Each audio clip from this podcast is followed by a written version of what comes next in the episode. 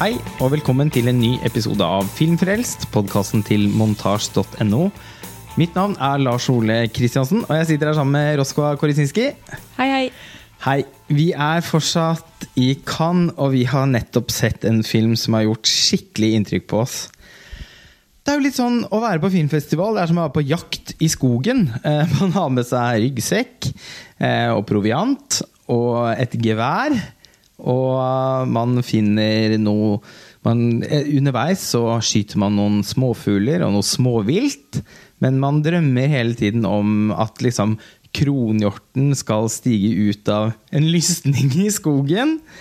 Eh, og på en eller annen måte så har man vel Jeg tror vi har det til felles, i hvert fall. At vi har ventet litt på den filmen i hovedkonkurransen i år. Ja, vi har eh, ventet kanskje Eller jeg vet ikke om jeg ventet engang. Det er mer sånn når den først kommer, så forstår man at den ikke har vært der. Eh, Det er mer en sånn type opplevelse eh, for min del.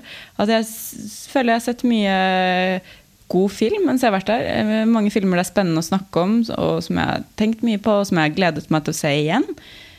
Men så er det det at man da glemmer hvordan det føles å oppleve et verk som bare rett og slett tar pusten fra deg. Og det har vi gjort i dag. Endelig. Ja. Og um, nå har vi jo ennå ikke laget en episode om um, Pedro Almodovars nye film, 'Dolor i Gloria', eller 'Pain and Glory'. Um, vi får se om det blir noe av. Det kommer til å bli en, noe om den på montasje. Det kan hende det blir en tekst istedenfor en podkast. Det har i hvert fall i en uke nå vært den klart beste filmen jeg har sett i hovedkonkurransen. Du har ennå ikke hatt anledning til å se den. Nei, dessverre. Men eh, til, og altså, til tross for min store kjærlighet til Pedro Almodovar som filmkunstner, og, eh, og at jeg var mektig imponert og grepet av den filmen, så var jo den i kategorien Tross alt i kategorien eh, at den levde opp til forventningene. Og det aller beste med Kan, syns jeg, er eh, oppdagelser som vi har gjort i sideprogrammer i år. F.eks. den fantastiske filmen til Hafsia Hersi. Eller sånn virkelig overraskelser i hovedkonkurransen. Og eh, filmen vi skal snakke om, det er Bong Joon-hos uh, 'Parasite'. Han er en filmskaper jeg har fulgt i mange år. Og jeg har sett alle filmene hans bortsett fra debuten hans, som ikke er så kjent.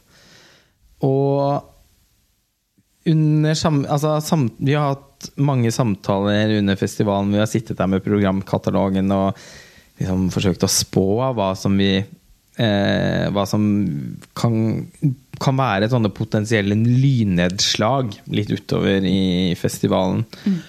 Og det er ikke mer enn et par-tre dager siden hvor du og jeg og noen andre satt og eh, og jeg hadde en sånn liten sånn monolog rundt at jeg, jeg har sånn på følelsen at kanskje det er litt sånn at Bong Joon-ho nå skal lage sin beste film. Og det handler om at han har laget Altså, han har aldri laget sånn som jeg ser det, i hvert fall en dårlig eller uinteressant film. Men han har også vært igjennom ganske mange faser som filmskaper. da Og de to siste filmene han har laget, har han jo ikke laget i Sør-Korea. Den siste var Okja, som var i hovedkonkurransen i 2017 eh, for Netflix. Eh, og forut for den så gjorde han Snowpiercer, som også er en sånn internasjonal produksjon. En fantastisk eh, god film, syns jeg. Eh, var en av mine favoritter det året. Men, men tross alt heller ikke liksom det man kan omtale som et sånt mesterverk. Eh, men det at han nå har laget sin første sørkoreanske film på en del år, og åpenbart returnerer til Sør-Korea med Altså, jeg antok i hvert fall at han ville ha større kunstnerisk frihet og, og, og høyere budsjett, eller i hvert fall det budsjettet han trenger. Eh, At, at muligheten for å få alt lagt til rette for han ville være større enn noensinne. Han har tross alt laget flere av de mest innbringende filmene i Sør-Korea noensinne.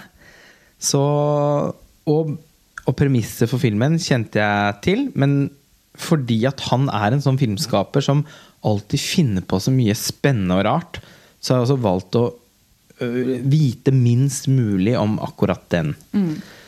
Men forventningene var tross alt egentlig veldig høye. Jeg, jeg hadde en sånn magefølelse av at kanskje er det sånn at liksom Bong John-ho er den som skal slippe en bombe i hovedkonkurransen i år. Men det er jo sånn man kan sitte og fable om, og så bare skjer det ikke, og da glemmer man alt man har sagt, og så var det helt uten betydning.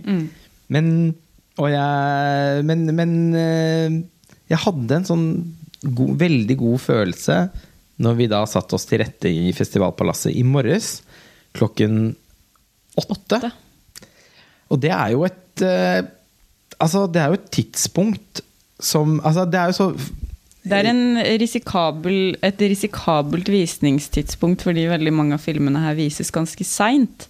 Så det betyr at selv om man har vært flink eh, gutt eller pike og gått og lagt seg, så har man kanskje ikke fått mer enn fem timers søvn, da. Vi hadde fått fem timers søvn. Ja. Fordi den, de siste filmene vi så i går, var ferdig klokken halv ett. Og så pga. at det tar lang tid å få seg Uber, og, og så skal man liksom drikke noen, altså sånn, drikke noen glass vann eller spise knekkebrød eller hva som helst når man kommer hjem, så ble jeg plutselig klokken halv to. Og så måtte vi stå opp halv syv. Og jeg, idet jeg la meg, tenkte jeg å, jeg håper nå ikke det blir sånn at jeg blir trøtt i morgen. Men eh, erfaringen min tilsier jo at eh, man blir veldig trøtt hvis filmen ikke er helt der. Og da kan man havne i den situasjonen man tenker at nå har jeg fucket litt opp over den filmen. Fordi filmen fortjener ikke at jeg er i den tilstanden jeg er i nå. Men eh, det ble jo ikke sånn da i morges. Fordi hvis filmen er tilstrekkelig eh, god, så er det nesten som at den søvnmangelen gir en sånn ekstra rus. Altså man, man blir plutselig veldig til stede. Vi rakk jo ikke å kjøpe kaffe engang, Roskva. Nei, nei, det var tøft. Jeg fikk jo kjøpt meg en kaffekopp som jeg fikk tatt én slurk av før noen veldig strenge franske menn som jobbet i den security-sjekken, eh, bare pekte mot søppelspannet. Det var uaktuelt å ta den med seg inn. Så det var en tøff start på dagen. Ja, men det var det. No mercy. Ja. Men vi fikk gode plasser i salen, og vi satte oss til rette. Og Bong Joon-hos Parasite begynte. Ja, Roskva. Ja. Huh, hvordan skal vi begynne samtalen om den filmen? Nå har vi jo allerede erklært overfor alle lytterne våre at vi er mektig imponert. Ja. Eh, ja, hvor skal vi starte? Altså, det føles nesten feil å starte med et handlingsreferat. Eller sånn, fordi at det var bare Jeg har lyst til å si bare noe om den følelsen det var å se den filmen. Og eh, da vi snakket om det i stad, så sammenlignet jeg, jeg det med, litt, med hvordan det kan føles å se en Christopher Nolan-film. Det er en lignende følelse som jeg hadde da jeg så Dunkerque. Jeg tror ikke jeg har hatt det siden da, og så hadde jeg det da jeg så flere Batman-filmene. Inception. Altså, det er eh, noe så mektig ved måten den filmen er ikke bare måten den er skrudd sammen på. Altså det er fantastisk foto, det er fantastisk klipp, det er veldig godt spilt. Men det er noe med energien i filmen. Eh, og jeg satt og tenkte på det etterpå, fordi dette er åpenbart min favoritt eh, i Cannes så langt. Så tenkte jeg, er det litt lettkjøpt? Fordi det er jo en slags eh, Jeg vil ikke kalle det en actionfilm, men altså det er veldig mye som skjer. Eh, det er en spenningsfilm. Det driste seg til å kalle det en slags underholdningsfilm. Ja. Altså, sånn eh, på overflaten, i hvert fall. Ja, og da er det veldig lett å liksom tenke, og det prøver jeg å arrestere meg selv på, da. Er, det liksom, er dette så meddrivende også fordi det er en film som er mye mer klar på at den vil underholde meg?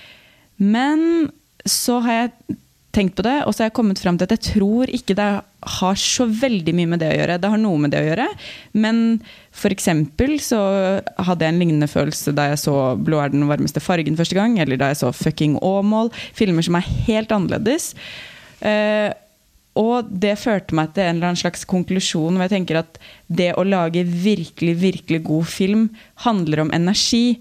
Og, og energi kan være så mangt, men jeg tror det er en misforståelse ofte at eh, mer dvelende, spørrende filmer f.eks. Eh, også må være litt kjedeligere eller litt eh, flatere. For det beste innen egentlig alle typer film har en sånn kraft i seg, som, som kanskje er regissørens eh, virkelig interesse for det han eller hun har lagd, da, som skinner igjennom som en sånn der dirrende puls. Og sånn var det med denne filmen. Så jeg, jeg ble helt slått i bakken. Uh, og det er en lang film, så den er på over to timer. Uh, og jeg satt bare helt sånn i helspenn hele veien. Ma, altså, jeg satt på kanten av stolen etter to minutter og lente meg lenger og lenger fram i to timer og 20 minutter. Veldig tidlig om morgenen. Det er, det er Altså, det er ikke ofte det skjer. Da skjer det noe magisk. Og det er jo Altså, jeg kan jo bare skrive under på alt du sier, fordi det er Altså, filmen som kunstuttrykk har en eller annen sånn beve, På sitt beste en bevegelsesenergi som man ikke helt kan intellektualisere. Eller sette Heller ikke sette noen sånn kloke ord på. Du bare merker det. Den det, Altså når filmen først heter 'Parasite', skal jeg koste på meg den floskelen eh, og si at når filmen også kan være litt som en parasitt. da At liksom, du kjenner at den går inn i kroppen din, og at den tar over. Det er akkurat sånn Det tar bare noen minutter inn i den filmen her før man er så til stede i eh, rommene vi er i. Vi føler at vi blir så eh, Kommer så tett på og lar oss så på sånn merkelig vis engasjere sånn i de både litt karikerte, men også veldig menneskelige rollefigurene. Og så bare er vi med. Og Bong John-ho har en Altså, han har en filmskaperkraft som gjør at eh, historiefortellingen i seg Altså sånn Det er ikke noe motsats mellom historiefortellingen og filmspråket. De spiller på lag. De spiller ball hele veien. Og vi har jo, sånn som for to podkastepisoder siden, så snakket vi om den filmen til Zelinskyj Jamma, som mange har omtalt som gullpalmefavoritt forut for denne, som jeg syns var litt prematurt. Fordi jeg bare opplever at den filmen tross alt ikke har den der enorme kraften i seg. Det er en veldig interessant film. Det er en morsom film også, Eller altså, det er en spennende film å snakke om. Mm, og jeg syns tidvis den har den kraften. Altså, den, den er liksom Det blusser opp noen ganger, og så svinner det litt hen igjen. Det er jo en Altså, som vi kom inn på i den podkasten òg, så er det en film som bygger opp veldig mye muskulatur i den siste halvdelen. Og som har en helt fantastisk slutt. Så det er sånn, det er ikke det at den Men, men, eh, men det er jo tross alt en nokså liksom intellektuell opplevelse. Og filmen både, både vokser og svekkes av samtaler etterpå. Eh, hovedsakelig så tar den form, og man får lyst til å se den igjen. Altså, det, det er virkelig en, det er en film som kommer til å vare. Men, men altså, kinoopplevelsen er tross alt ikke Det er ikke sånn at det bruser i blodet, da. Av, eh, og det kan Zelinskyj ha få til, for det har hun gjort før. Mm. Syns jeg, da. Eh, noen synes, mange syns dette er hennes beste film, bare så det er sagt. Men, men jeg Og det vet jeg begge vi to hadde til felles når vi så den. I motsetning til Benjamin, som syns det er festivalens beste film. Så, så opplevde både du og jeg at den tross alt ikke liksom satt helt fyr på oss. Eh, og det som er så morsomt da når man ser den Parasite i Bang Joon-ho, er at det er på en måte Plutselig så er det ikke når vi møtes etterpå, så er det ikke lenger så interessant å snakke om hvordan vi rangerer filmen i forhold til det andre. Om vi syns den er liksom en åtte av ti, eller en ni av ti, eller en ti av ti. Eller om eh, den overskrider det fordi at den har snakket til oss på en annen måte. Vi møter hverandre. Vi satt på hver vårt, hvert vårt sted i salen fordi vi ankom på litt ulike tidspunkter. Og, og en, det, det, det, reaksjonen vår når vi møttes liksom ti minutter etter den var ferdig, bare på en måte å gi hverandre en klem. Og bare Å, ja! Nå skjedde det! Ja. Og det er på en måte the magic of the movies. Og når det da skjer i den Altså når, når, når, når Bong John-Woo kaster dette tryllestøvet i øynene våre, så er det ikke så enkelt som at liksom, å, han er noen bilder altså, Ja, altså han, han, han, er utrolig eh, god på iscenesettelse, og han har stålkontroll på kameraarbeid, og han er en forfører. Fordi filmen har jo også et tankegods som jeg syns er mer spennende enn noen annen film jeg har sett her nede. Ja, Eh, vi har jo i tidligere podkastepisoder vært inne på dette med arbeidsledighet som en gjentagende tematikk festi altså, på festivalen. Det er jo helt, Nå begynner det å bli så påfallende. Ja, og det komiske er jo at selv denne filmen ja, men virkelig. også egentlig tematiserer det. Det er jo Ken Loach i Sør-Korea. Ja, det er det. Eh, resultatet er ganske annerledes. Um, men hvis vi kanskje skal gi lytteren en sånn slags pekepinn på hva dette handler om Ja, men Gjør det uten å avsløre for mye. Ja, for det, avsløre. Dette er en film det er morsomt å vite lite om, ja. men samtidig så ønsker vi å gi en inngang. Ja, jeg tenker Vi skal si så lite som overhodet mulig, men utgangspunktet er i hvert fall uh, en familie med to voksne barn. Uh, mor, far og to voksne barn som bor i en leilighet i Sør-Korea og har veldig lite penger uh, å jobbe med, og egentlig bredt pizzaesker og levere det til et pizzafirma, sånn at de kan putte pizzaene sine oppi og sende ut til kundene. En helt sånn absurd jobb som de får veldig dårlig betalt for.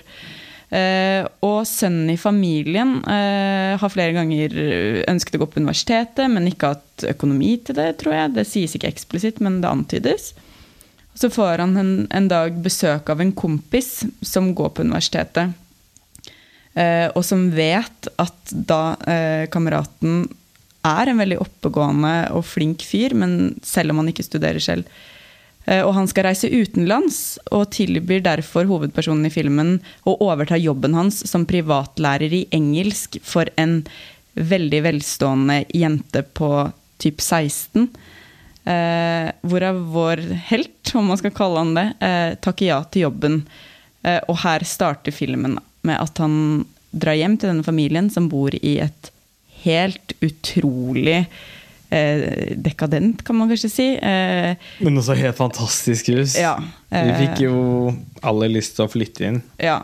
Eh, et helt vilt hjem, eh, og da skal begynne å undervise denne datteren. Eh, og jeg tror ikke egentlig vi skal si så veldig mye mer, Nei, for alt som kommer etter ikke. det, er det gøy for tilskueren å ikke vite. Ja, det, jeg tenker i hvert fall Vi trenger ikke å konkretisere den videre handlingen. Nei. Det kan hende vi kommer inn på ting ja. som nødvendigvis vil gi noen opplysninger om hva som skjer. Mm. Og det er da opplysninger jeg tenker at det ikke er skadelig å kjenne til. Men øh, det er jo da snakk om en familie med slitere som møter en borgerlig Altså en, ikke, altså en overklassefamilie de luxe. Ja, virkelig. Altså de som er høyest på strå, kan man se for seg, i det sørkoreanske samfunnet. Ja. Og som blir rammet av en litt sånn umiddelbar kjærlighet til disse menneskene. For de liker det jo. Mm. De trives jo med å være der. De trives i jobben. Mm. Det blir ja det er jo da først sønnen som får jobb der, men eh, det blir etter hvert eh, Jeg tror vi er nødt til å si det. faktisk. Vi kan jo bare kunne... si noe om at familien også involveres i den de blir... relasjonen på en eller annen måte. Da. Ja, altså den utvides etter hvert, den relasjonen. Og eh, man kan se at de, de gir uttrykk, eksplisitt uttrykk for i filmen at de syns egentlig dette er veldig fine mennesker mm. som de trives med å jobbe, sammen, eh, jobbe for. Mm. Og tiltrekningen til hjemmet òg blir tydeligere og tydeligere uh, utover i filmen. Ja, jeg tenker sånn, Du nevner Ken Loach, da, som vi har spilt inn podkast om tidligere. og jeg tenker at det, uh, En interessant forskjell Disse filmene har egentlig en del likheter. Uh, altså ikke rent filmatisk, men tematisk noen likheter. Og også en del likheter i utsigelsesposisjonen. altså begge regissørene legger ut ganske mange tegn på at de f.eks. tilhører en venstreside, hvis man skal bruke den skalaen i Sør-Korea. Det er jeg usikker på om man kan gjøre. Eh, hvor det kapitalistiske systemet på en måte er roten til veldig mye ondt. Det konkluderer de jo begge med i, i filmene sine. Mm. Men der Ken Loach på et eller annet vis viser en familie som bare har lyst til å liksom ha det bra og overleve, så eh, så føler jeg at Bong John-ho eh, i større grad tematiserer den ambivalensen i på en eller annen måte å ønske å være overklassen selv. Og, og en sånn blanding av beundring og forakt, da, Ja, som for- ofte arbeiderklassen kan ha overfor. Sånn, eh, som kanskje er en av grunnene til at sosialistisk politikk har vært sånn feilslått i Norge de siste eh, eller egentlig kanskje etter jappetida, på en måte. I hvert fall sånn ytterst venstre har jo prøvd hele tiden å appellere til eh, Eller brukt en slags retorikk som går på at eh, arbeiderklassen på en måte skal forakte eh, de rike. Men så er jo faktum at veldig mange fra arbeiderklassen ønsker jo selv å være en del av de rike, så de, de vil jo heller kanskje lytte, eller de eller vi, eller kall oss hva du vil, vil heller lytte til en retorikk der man får høre at man har muligheten selv til å klatre på rangstigen. Man vil heller høre det enn å høre at vi alle burde være på en måte likestilte. Fordi det er jo også litt av sånn det kapitalistiske eh, drømme, den kapitalistiske drømmefabrikken fungerer. da. At ja men, ja, men vi vil være en del av den drømmen. Og det syns jeg denne filmen tematiserer og viser fram på en ganske sånn fin måte. da, Nettopp den ambivalensen i, i liksom, å fy faen, de jævla folka som har alt det jeg ikke har. Og samtidig den drømmen og forelskelsen i deres liv Ja. og i deres klær og utseende og Forelskelsen i gjenstandene, i omgivelsene, Mm. og som også gjør de Altså, Det er akkurat som de føler seg bedre når de er der, Mm. enn når de er hjemme. Ja, og det ytres jo på et tidspunkt av en av eh, personene i denne eh, fattige familien at eh, de er så snille. Eh, men det er ikke så rart at de er snille, fordi de på en måte er en duk som er strøket igjen og igjen. eller et eller annet sånt. Mm. Det er ikke så vanskelig å være snill når man har det så godt, er en Nei. sånn påstand. Eh, Og det er Og da Og tilsvarende så er det også lett å ikke være god når man ikke har det godt. Og der har man jo Det er jo der den store kontrasten til det Ken Loach eh, holder på med, oppstår. Fordi han er jo opptatt av å kategorisere samfunnet og ha orden i rekkene. Og det er ikke Bon Joon-ho. Dette er en film som sparker i alle retninger. ja, her er det ikke snille og slemme eller eh, Nei, det fins ikke. Det er, altså, det er sammensatte mennesker, alle sammen. Og altså, der syns, opplever jeg òg at det ligger en respekt. da Altså Et menneskesyn som egentlig er mye mer forenlig med mitt eget. At eh, eh, folk er forskjellige uansett hvor de kommer fra. Eller hvilken bakgrunn de har. Eller hvilken tilhørighet de selv eh, opplever eller hevder å sokne til. Mm, og så syns jeg også han viser på en ganske sånn brutal måte at det eneste man kanskje til syvende og sist vil være opptatt av å forsvare, er seg selv og sine aller nærmeste. Da. For det settes jo opp, eh, uten at vi skal røpe så mye om handlingen, så settes det også opp noen situasjoner her hvor eh, denne familien som bor i denne veldig fattigslige leiligheten og har litt penger, også blir nødt til å kjempe for sin eksistens overfor noen andre som er i en lignende posisjon som dem selv.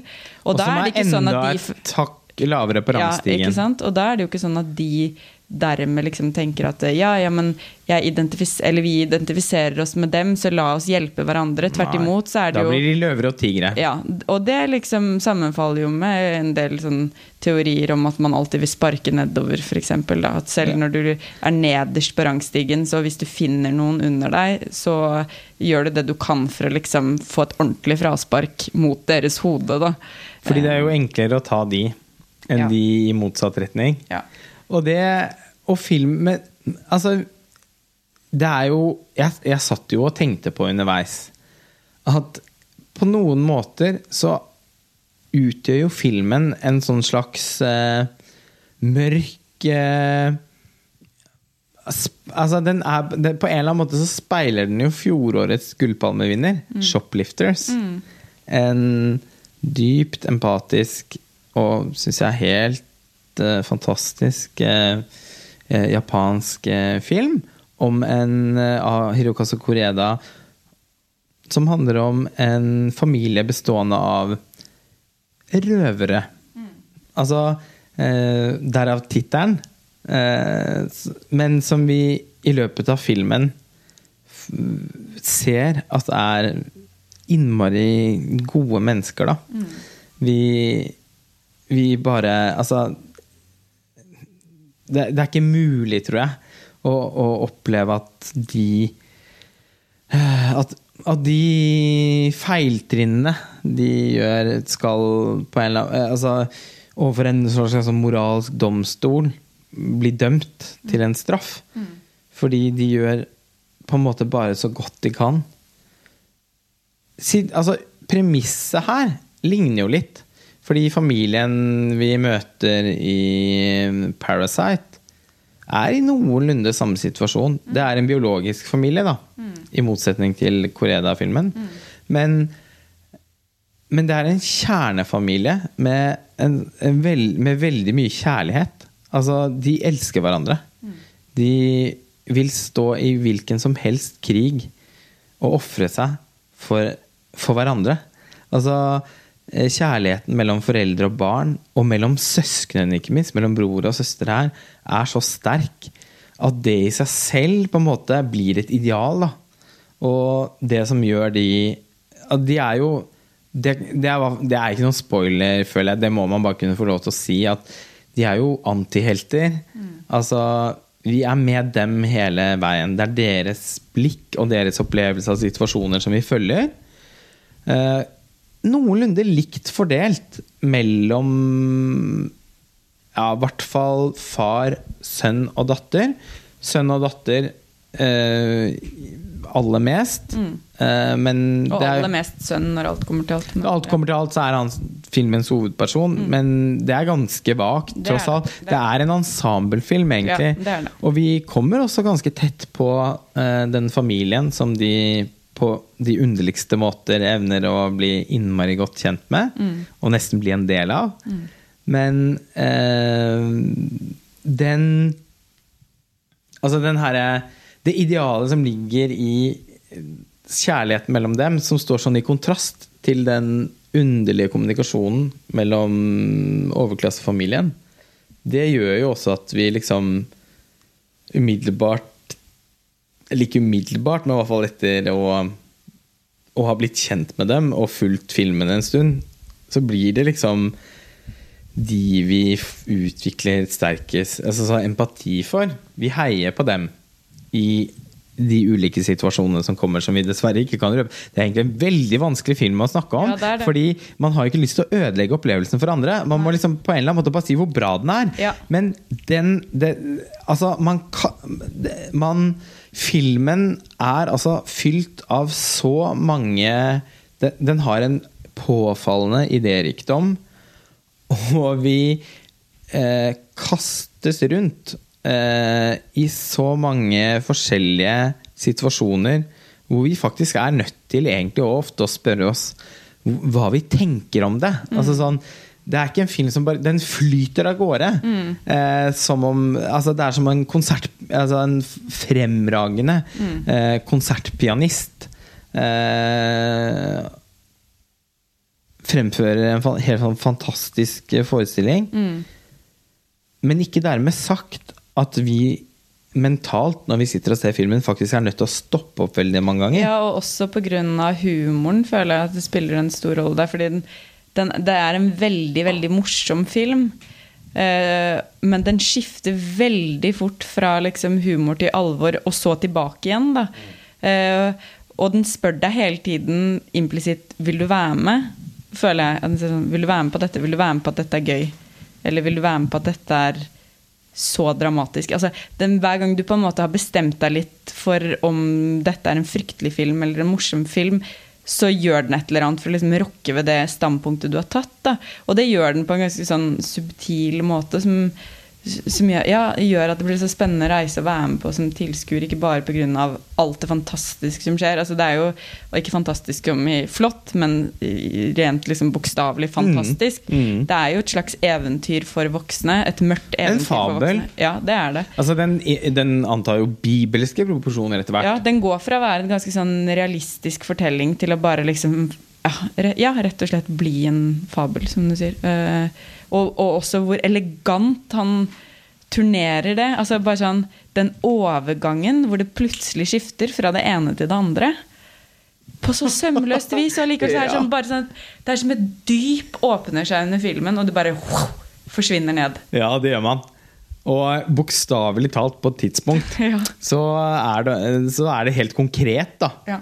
Et dyp Ja, som, ja. som har ligget og murret under filmen. Ja. Som er altså sånn Denne filmen har altså noen vendepunkter som man som, Altså, det er, vi, det er ikke mange filmer jeg har sett som, som har det på den måten, altså. Det, den er så kontinuerlig overraskende og forbløffende og og, den, og veldig detaljorientert. Og det er for meg noe av appellen ved sørkoreansk film. Altså de, har en, de har en fortellertradisjon som er helt annerledes enn f.eks. amerikansk og, også, og europeisk film.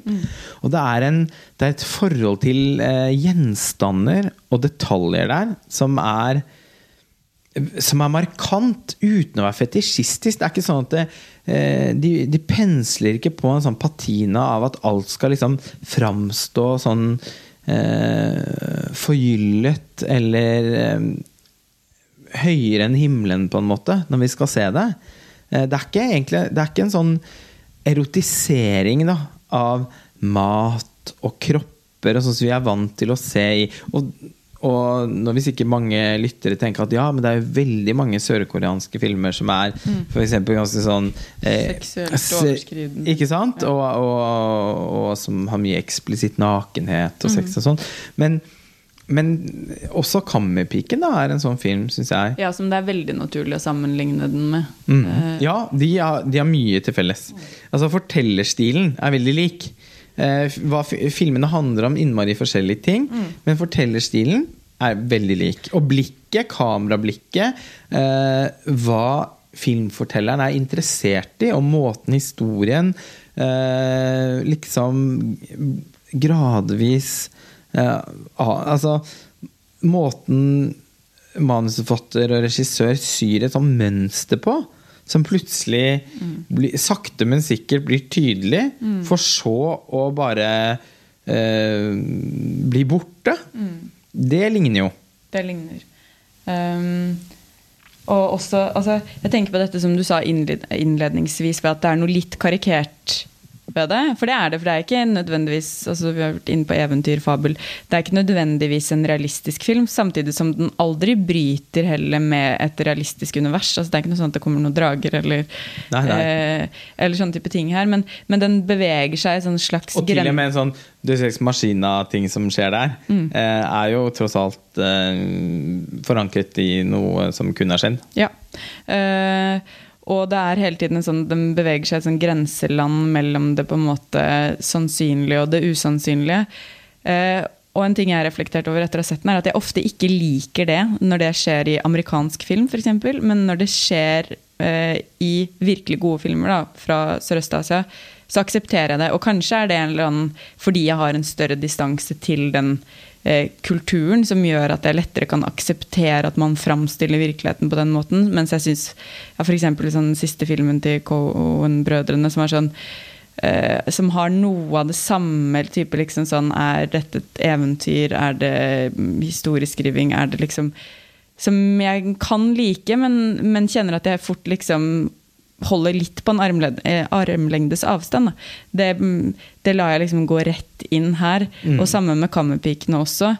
Eh, men jeg tror også det har noe med måten det er gjort på. eh, som jeg ikke vet om jeg kan tilføye så mye mer om enn det du allerede har sagt. Men, men at det er en sånn type eleganse som virker veldig mm, selvsagt. altså Den virker veldig lite utstudert. Og det er veldig litt sånn nå skal vi lage en artig film som ikke er sånn som alle de andre filmene. Som jeg av og til kan føle med amerikansk eller europeisk film som liksom ikke skal være realistisk, eller som skal leke seg med en slags sånn derre Forholde seg til historiske kilder og sånn. At jeg, jeg kan føle at det blir noe litt sånn ja ja, dere. Ja ja, gutta. Skulle ikke lagd en uh, slags western som også handler om uh, Ja. Men så her, er- det har ikke noe av det der liksom selvelskende ved seg. Det bare er et utgangspunkt, og så bare husht. Ja, men, det, men det er også et eksempel på en film hvor eh, Hvor fortelleren fortaper seg i historien. Eh, og hvor all, altså sånn, all muskulatur, alle liksom drar i samme retning hele tiden. Og det er en på, på beste vis en manipulerende film eh, som skifter da ansikt. Altså den bytter ansikt mange ganger underveis. Og som gjør at man blir litt sånn satt ut av spill fordi man sitter Altså det er en så liksom sånn uropplevelse eh, som det er da å sitte og tenke Hva er det som skal skje nå? Og eh, jeg blir innmari imponert også over hvordan da Bong Don-ho Vi var inne på dette her med detaljer og sånn, da, og hvordan filmen Altså eh, det, var, det er en sånn, sånn klisjé om at alle sånne overklassehus eller leiligheter skal se sånn iskalde ut og liksom sånn ubebodde ut. Her er det ingen mennesker hjemme. Ja, sånn er det ikke her, da. Alle, alt, det ser ut som Four Seasons Hotel. Altså, alle får lyst til å flytte inn. Det, er en, det er dypt sånn betagende. Eh, og det er masse innhold der. Altså, Det er bøker i bokhyllene. Det er rot på barnerommene. Det, det, det leves et liv der. Og det er innmari mange detaljer i filmen som jeg satt og ikke altså Jeg klarte ikke å ikke bare sitte og stirre på for liksom, De har noen notatbøker som så så fine ut. De har flasker i, sånn Voss vannflasker i kjøleskapet som de triller bortover gulvet når de skal sentre den til en annen person eh, som, som er tørst. Altså, det er sånne små ting. Men det er, sånn, det er aldri bare sånn stirrende. Alt har en funksjon. Det er som om alt er en del av, sånn, av et maskineri. Og sånn sett så blir den framstillingen av på en måte rikdommens appell til oss alle, liksom, den blir så mye mer gjenkjennelig og sannsynlig. Fordi nei, det er ikke sånn Ja, det er akkurat som du sier. Ja, nei, rikdom og middelklasse, det skal liksom eh, portretteres med sånn sterile bokser, nærmest, som egentlig ingen føler seg hjemme i. Mens her Som er det sånn sånn retorisk skal si til oss Ja, du hadde ikke egentlig hatt lyst til å Nei. leve dette, leve Nei, dette dette livet. Du blir ikke lykkelig Ja, av å ha mer er penger. Ikke sant? Dette er hule mennesker med hule liv osv. Mm. Mens denne filmen tar jo på alvor hvorfor jeg kan bla på en moteblogg eksempel, og tenke sånn Oi, jeg har lyst på den dressjakka fra Valentino. Mm. Det er jo av liksom dybden, at det kanskje er noen planter, noe landskap. Altså, det er jo rett og slett fordi vi er mennesker som også er veldig altså, Vi er en art som er dratt mot estetikk. Mm. Eh, og her parodierer den ikke estetikk, den bare viser fram, den, viser fram den estetikken som det nesten er umulig for mennesker å ikke trekkes mot på samme, på samme måte som man liksom, er trukket mot skjønnhet i, sin, sånn, all, ja, i alle sine former. Da. At den viser fram liksom sånn, hvor vakkert et trebord kan være. Altså den sofaen hjemme hos dem. Altså, det, er sånn der, det er sånn interiørporno, da. Ja, men det er det jo. Og, og som man, og, og som man Altså, det er helt ut, altså, det er utenkelig å ikke la seg forføre av det, og få lyst på det. Og så er det jo også noe med at de menneskene som vi også rent visuelt, altså De vakreste menneskene i denne filmen er jo også den familien da, som sliter. Det er noe med at når de setter seg i sofaene, så passer de også litt inn der. Ja, det er akkurat det. Med en gang de får på seg Ja, det er det. Du ser Når de liksom tar på seg andre på klær. andre klær, så glir de inn. Ja. Og de kommenterer det til og med overfor hverandre sånn Oi! Du så fin ut der du satt i Og Ja. vi, vi har jo tenkt det selv før Ja. de kommenterer det. Så har vi tenkt sånn Oi! Nå tar de seg De ut. De passet godt i disse omgivelsene. Med en gang man får dem ut av den trashy leiligheten. De forsvinner jo inn i det universet. Mm. Og anerkjenner det overfor hverandre. Mm. Eh, og det er Og det er nesten sånn På en sånn helt utrolig måte så, så Uten å avsløre for mye igjen, da, så er, det også et eller annet tidspunkt i den filmen hvor jeg, sitt, hvor jeg satt og tenkte Ja. Nå, nå, liksom, nå ønsker jeg bare at de blir der. Altså, jeg unner dem det. Mm. Ja. Jeg ser hvor, hvor bra det hvor, hvor, liksom, hvor riktig det var. For og sånn sett så blir det mer komplekst da enn f.eks. Loach. Det, der ser jeg poenget ditt. Fordi istedenfor å på en måte kritisere noe fra utsiden, som vi på en måte kan se i utallige kronikker eller dokumentarfilmer at gjøres, så tar den med oss inn, og ganske på en ganske sånn egentlig subtil måte. Det blir klart for meg nå mens vi sitter og snakker om det, men ikke alt dette var egentlig ting jeg tenkte over. Det var mer det at jeg liksom kroppen min registrerte det. Sånn som du sier, ja, man vil være der hvor det er fint, og man syns det er fint å se hun jenta som er så vakker, og som har gått rundt i en skitten T-skjorte og bretta pizzaesker. Plutselig har hun på seg en nydelig svart kjole, og så blir man litt sånn Oi, wow! Ja. Ikke sant? Man blir med. Og ligger på sofaen henslengt og drikker drinker. Ja, ja, og det er jo retorikken til liksom type- Eller ligger i badekaret der. Ja, ja. Og uh, det er en sånn veldig morsom liten scene hvor broren banker på baderomsdøren og spør om hun er ja, 'Jeg har tatt med en flaske vann til deg.' 'Å, som bestilt!' Dette mm. Hun går inn i rollen. Ja, ja, ja. Og eh, så triller han en sånn Så slipper han en sånn Voss-flaske som triller bort til badekaret som hun plukker opp. Og det ser ut som hun er født til å leve det livet. Mm. Og og ligge i det badekaret og få mote- servert alt hun måtte ønske. Ja, moteblogger eller vanlige blogger, da. Eh, som jeg av og til er innom, for jeg syns det er eh, eh, kan være morsomt og spennende. Og det er, sånn, det er jo akkurat det de gjør. Eh, det er liksom vakre jenter som eh, får sponset klær og, og møbler, og så iscenesetter de seg selv i disse klærne og i disse møblene, og så sier de til oss som leser sånn oh, det er så det er dyrt, men det er ikke så dyrt. Nei. Det er en god investering. Og så kjenner man at ja, men kanskje jeg burde bruke litt ekstra tid på? Og det, Du kan si ja, det er bare en løgn og det er bare en salgskampanje, men samtidig så er det ikke det, ikke fordi vi er trukket mot det estetiske. Så, og nettopp derfor funker det, da. Og det, ja, den filmen her skildrer det på en sånn veldig spennende Jeg har ikke sett dette her før. Og, og jeg beundrer også liksom eh, at Bong Joon-ho åpenbart også har satt seg inn i en del ting. Altså, jeg vet ikke med deg, men jeg har nå i løpet av livet møtt en del sånne det man kan kalle sånn veldig sånn definerte overklassebarn. Og det har ikke vært noen det har ikke vært noen dårlige folk, det. holdt jeg på å si. Altså, sånn, det ikke, det høres ut som jeg skal si noe negativt. Men jeg har bitt meg merke at gjerne foreldrene har da presentert For da har det, dette er jo da ikke vært folk som jeg kjenner Det har vært i en setting som jeg er i. Og noen ganger en nokså sånn intim setting. Og så er foreldrene veldig opptatt av å snakke om barnas interesser. Altså, Beatrice Alea, altså hun er helt Altså Hun er så flink til å tegne. Dere må se. Altså, er, er, jeg er så imponert.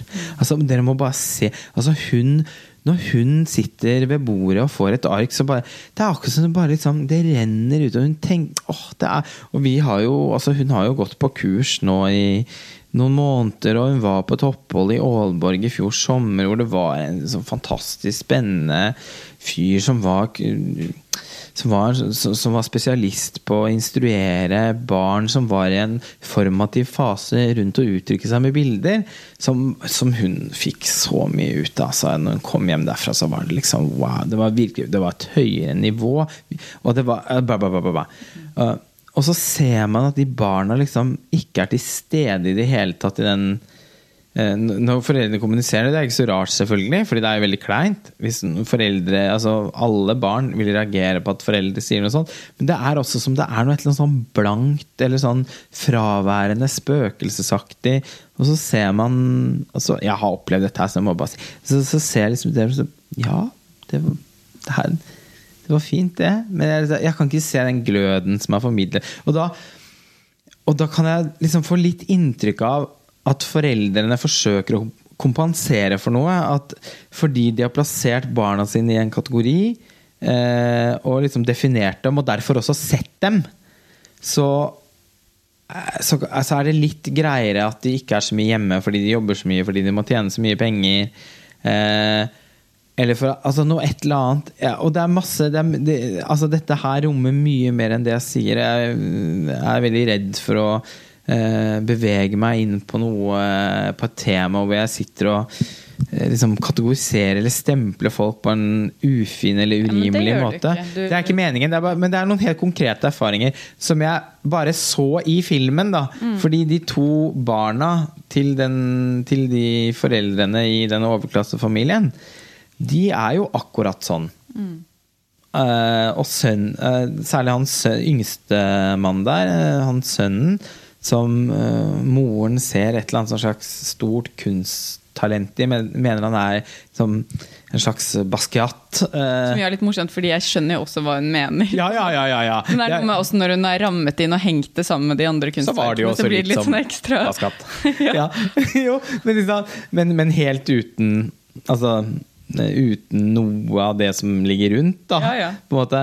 Og, og, Og det er til syvende og Hun sist ene barnetegning. søsteren i den i den uh, familien som vi, som vi er med hele veien, og som sakte, men sikkert tar bolig i, i dette fantastiske huset, og, og blir en del av den familien. Hun er jo da en sånn uh, Ja, hun, hun får bli ansatt eh, som eh, en kunstlærer som er ekspert på kunstterapi for barn. Altså mener at eh, eh, som, som på en måte jobber med at barn skal få Bearbeide traumer. bearbeide traumer og minner og erfaringer gjennom penselstrøk eller blyantstreker. og det er jo bare noe så utrolig komisk ved hele den settingen. Og bare rommet hans som ser ut som Det er helt sånn Twin Peaks. For han er da også kjempeinteressert i, eh, eh, i indianere. Eh, og og, og det er veldig åpenbart da, at enhver ny interesse han får, investerer foreldrene maksimalt i, eh, i håp om å eh, på en måte skape en slags sånn visjonær person, eller eh, at de skal sitte igjen med følelsen at eh, at de stimulerte barna sine eh, på en god måte. Men de er jo ikke til stede i situasjonene. De er jo ikke der og sitter der når de tegner, gir respons, er med og eh, holdt på å si leke cowboy og indianer. Det er det jo de, disse ansatte som gjør. Og etter hvert så blir det også en, et, et en, altså det blir jo også et tema i filmen etter hvert.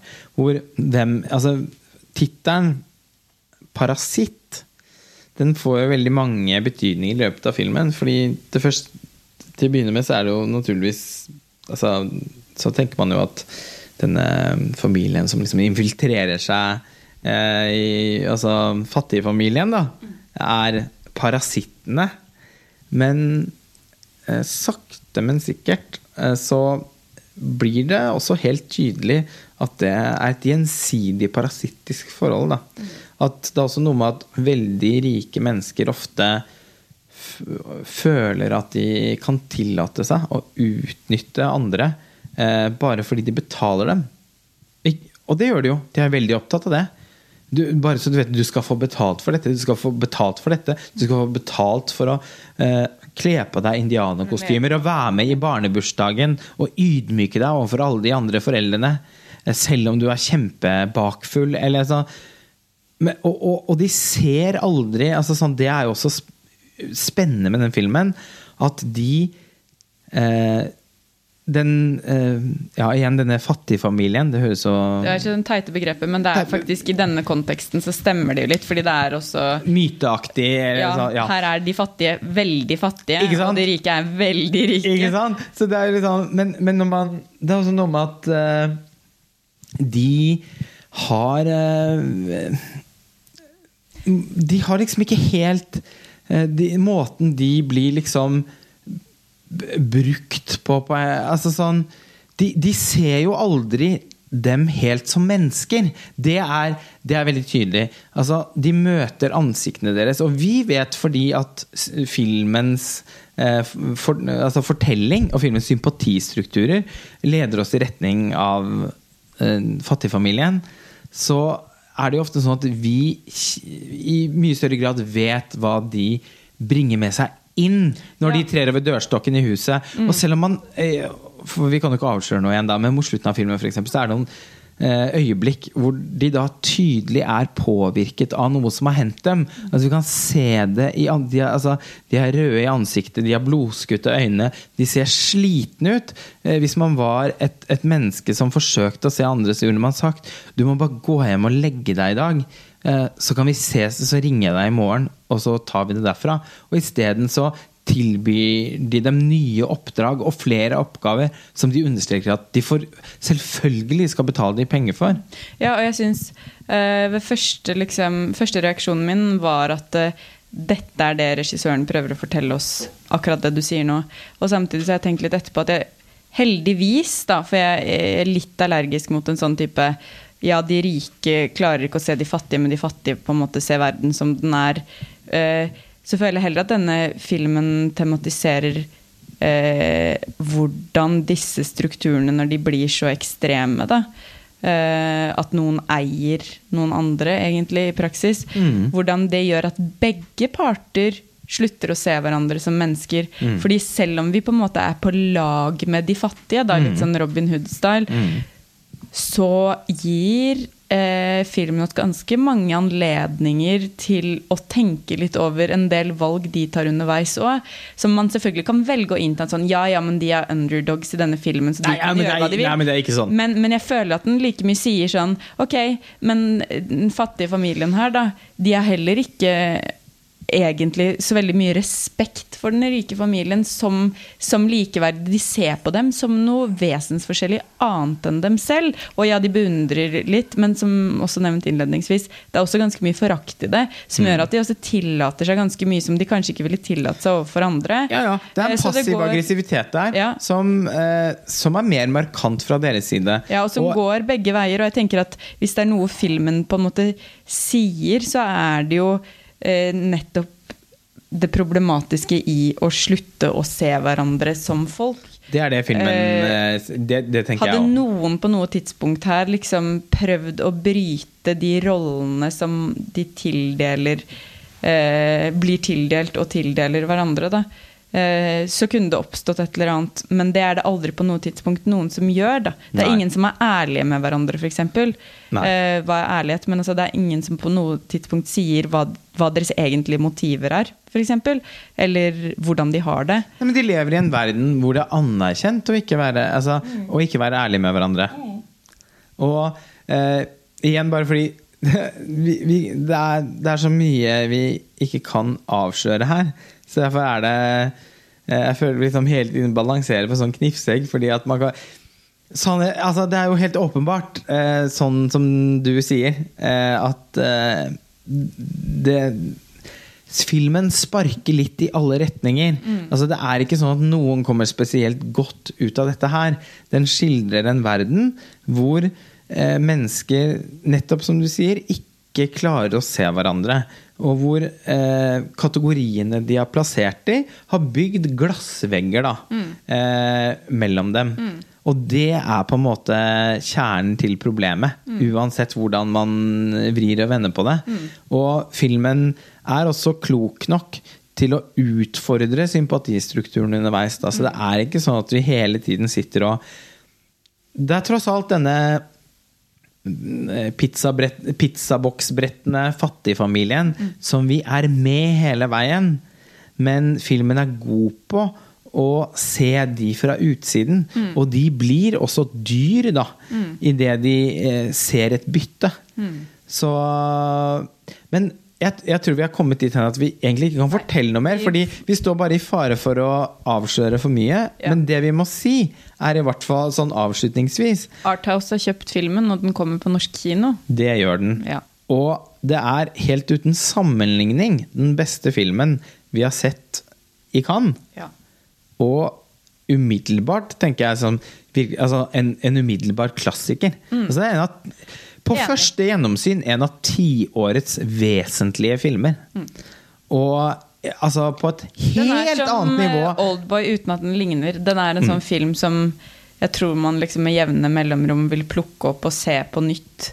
Mm. sånn når det går noen år mellom hver gang, så gjør man det. Fordi man har liksom Ja, man kjenner at man vil være i den verden. Ja, ja, ja. Og, og det skyldes jo selvfølgelig også da en helt sånn uimotståelig underholdningsverdi. Ja. Altså Filmen har så høyt tempo, Ja.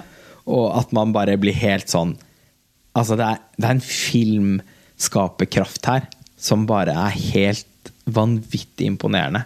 Og det er en åpenbar gullpalmefavoritt. Mm. Jeg kan ikke forstå nesten at det skal komme noe annet etter dette som Det føles som ly, årets lynnedslag i Cannes, og eh, Ja, vi får se hva som skjer, men det er, det er i alle fall vår spådom Ja, at dette blir det årets det. gullpalme. Det er det. Virkelig. Takk for nå, Roskva. Vi snakkes jo veldig snart igjen. Det kommer en ny episode innmari snart. Om Tarantino. Quentin Tarantinos Once Upon a Time in Hollywood. Ja. Takk for nå. Takk for nå. Ha det bra. Ha det.